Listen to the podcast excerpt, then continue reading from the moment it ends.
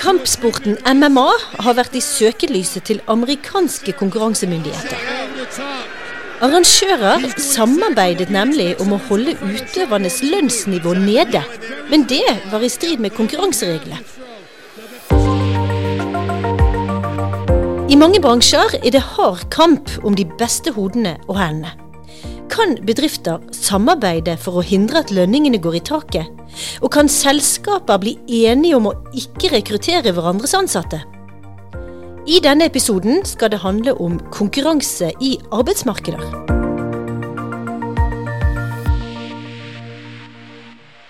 Nylig publiserte Konkurransetilsynet rapporten 'Competition in Labour Markets', altså konkurranse i arbeidsmarkeder.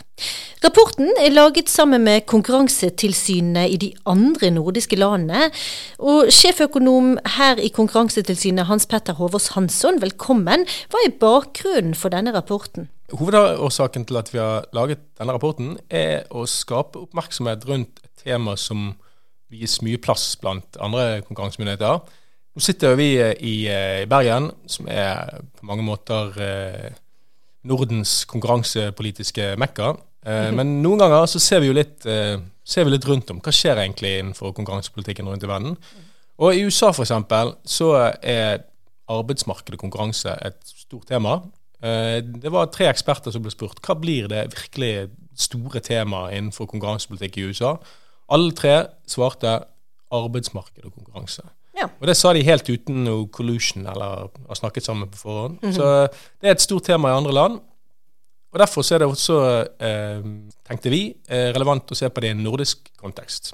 Men hva er det egentlig dette dreier seg om? Hva er det man kan tenke seg av konkurranseskade relatert til saker i arbeidsmarkedet? Altså, vanligvis er vi jo opptatt av prissamarbeid og at bedrifter deler markeder mellom seg når de selger produktene. Det vi er bekymret for her, det er på en måte speilbildet av prissamarbeid og markedsdeling. Eh, Vi er bekymret for at bedrifter prater sammen, avtaler og ikke rekrutterer hverandres ansatte. Og så er vi bekymret for at bedrifter avtaler eller snakker sammen om at de skal holde lønningene nede. Og Det kan gå direkte utover arbeidstakerne, men det kan også ha skadelige virkninger for forbrukerne. Men eh, på engelsk så kalles jo dette her for non-poaching. Hvordan kan man oversette dette til norsk? Ja, Jeg tror kanskje et eh, godt ord er rett og slett rekrutteringsavtaler. Man, man inngår en avtale om å ikke rekruttere hverandres ansatte. Men så er jo arbeidsmarkedet kanskje i UK og i USA annerledes enn i Norge. sant? Og hva vet man egentlig om omfanget av denne typen avtaler i Norge? Ja, vi vet ikke så veldig mye om det, eh, men det er gjort en spørreundersøkelse i 2023 på vegne av eh, Arbeids- og inkluderingsdepartementet, der 2000 bedrifter ble spurt om man har formelle eller uformelle avtaler om å ikke ansette hverandres ansatte. Um, og da er det så mange som 11% av bedriftene som svarer at ja, vi har den type avtaler. Um, så det kan kanskje indikere at det, er ikke helt unormalt eh, å inngå sånne avtaler. 11 det er jo faktisk et ganske stort antall av norske bedrifter. I hvilke bransjer eller sektorer er eh, sånne avtaler mest utbredt? Ja, I den rapporten som du nevnte innledningsvis, som vi nettopp har gitt ut, så er det en, en oversikt over saker fra andre konkurransemyndigheter som gjelder den type avtaler. Og Der kommer det frem at det har vært saker i alt fra sportsbransjen til frisørbransjen, heismontører, transport, helsemarkeder. Eh, Så egentlig er det ganske bredt spekter av mange ulike typer bransjer. Eh, Og det er egentlig litt det man ser i den spørreundersøkelsen som er gjort også i Norge. At den type avtaler kan forekomme i mange forskjellige typer bransjer. Og dette kan være avtaler som at man skal eh, holde lønningene nede, eller at man ikke skal rekruttere andres ansatte. Ja, eller den, den undersøkelsen som er gjort i Norge, den handler om å la være å rekruttere. Vi skal komme tilbake til hvilke konsekvenser sånne avtaler til syvende og sist kan ha for forbrukerne. Men hvordan vil du si sånne avtaler er negativt for arbeidstakerne, da? Hvis vi tar avtaler om, holde, eh, om, om lønn først, så er det, det er rett og slett Det går direkte utover lønningene. De blir lavere enn de ellers ville vært for arbeidstakerne. Eh, og hvis man ikke kan eh, bytte arbeidsgiver eh, fordi bedriftene har en avtale om å ikke rekruttere, så påvirker det jo hvilke arbeidsoppgaver og karrieremuligheter man har. Og i, USA så har man et sånt, eh, perspektiv på det at ok, vanligvis så er man opptatt av forbrukerne med konkurranselovgivningen. Sant? At det, hvis man samarbeider om pris, så blir prisene høyere for forbrukerne. Men i USA så tenker man litt at ok, hvis lønningen blir lavere, det er egentlig litt det samme. Det, da sitter jo den, den forbrukeren er også arbeidstaker. Og hvis man samarbeider om å holde lønningene nede, så er det bare en annen måte at realinntekten til eh, arbeidstakeren eller forbrukeren blir lavere. Mm. Men så igjen, sant. Arbeidsmarkedet i Norge, og også i Norden, skiller seg fra andre både europeiske land og USA. Bl.a. ved at vi har høy deltakelse i det organiserte arbeidslivet. Sant? Mange er medlem av en fagforening. Hvilken rolle kan man tenke seg at det spiller for omfanget av sånne avtaler? Ja, det er en av de tingene vi prøver å finne litt ut av i rapporten. Eh, vi viser bl.a. litt forskning som viser at det vi kaller for monopsonimakt, ikke nødvendigvis er et like stort problem når man har sterke fagforeninger. Og Den type avtaler, rekrutteringsavtaler de kan føre til sånn monopsonimakt. Mm. Ja, hvordan, kan du utdype litt nærmere hva monopsonimakt er for noe? Hvem er det der som sitter med makten? Ja, det, Monopsonimakt er egentlig litt det motsatte, eller speilbildet av monopolmakt. Sant? Hvis en bedrift har et monopol, så har forbrukeren bare én å velge mellom når forbrukeren vil kjøpe et produkt. Mens når vi snakker om monopsonimakt her i denne sammenhengen, så har arbeidstakeren bare én bedrift å velge mellom når han vil tilby arbeidskraften sin. Så det, Da sitter bedriften med all forhandlingsmakten. Mm. Men dette med at vi har eh, eh, høy deltakelse i fagforeninger i Norge, sant? kan det rett og slett være da en grunn til at vi ikke har sett noen konkrete saker om dette i Norge ennå? Ja, Kanskje, men så er det også sånn at eh, i konkurranseloven så er det et unntak for arbeids- og ansettelsesvilkår. Paragraf 2 i konkurranseloven sier kort og enkelt loven gjelder ikke for arbeid- og ansettelsesvilkår. Og Det finnes ikke så mye praksis rundt det, men det vi skriver om det i rapporten, er at avtaler som inngås i forbindelse med eh, forhandlingene mellom fagforeninger og arbeidsgiverorganisasjoner, de er unntatt. Så Hvis, det, hvis det, det, er avtaler som inngår som er knyttet til de årlige forhandlingene som det er i Norge, så eh, kan det være unntatt fra konkurranselovgivningen.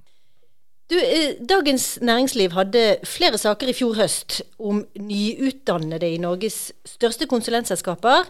Der får alle nyutdannede samme startlønn i tre av fire selskaper. Og hvor greit er egentlig det, da, og hva skal til for at det eventuelt skal innebære et brudd på konkurranselovgivningen?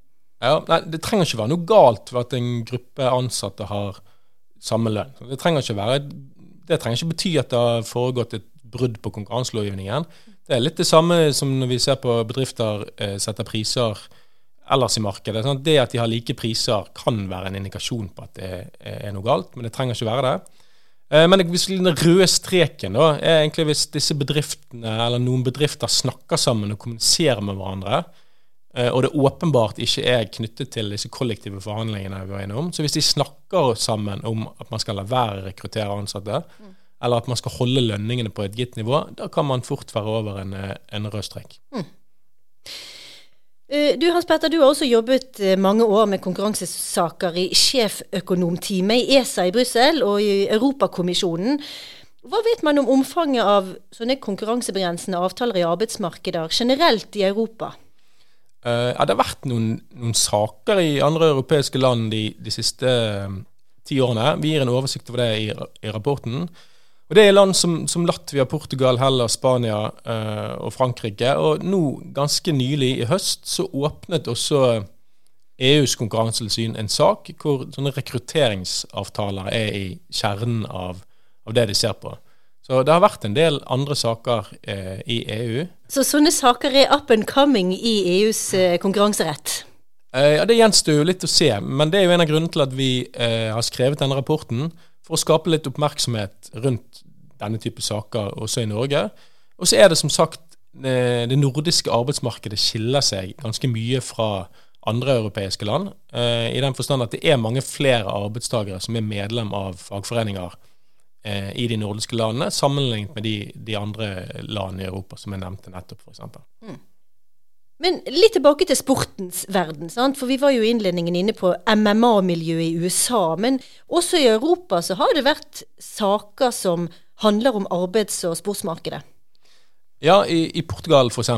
Der ga det portugisiske konkurransetilsynet eh, like før jul eh, en bot på over 100 millioner kroner til de 31 største klubbene, fotballklubbene eh, og det portugisiske fotballforbundet. Eh, nettopp fordi de hadde inngått en avtale, alle klubbene, om å ikke rekruttere hverandres ansatte. Uh, og det var, det var, i forbindelse med, med, pandemien, der hvis en spiller ville slutte i en klubb, f.eks. pga. pandemien, så var det ikke mulig å finne en annen arbeidsgiver.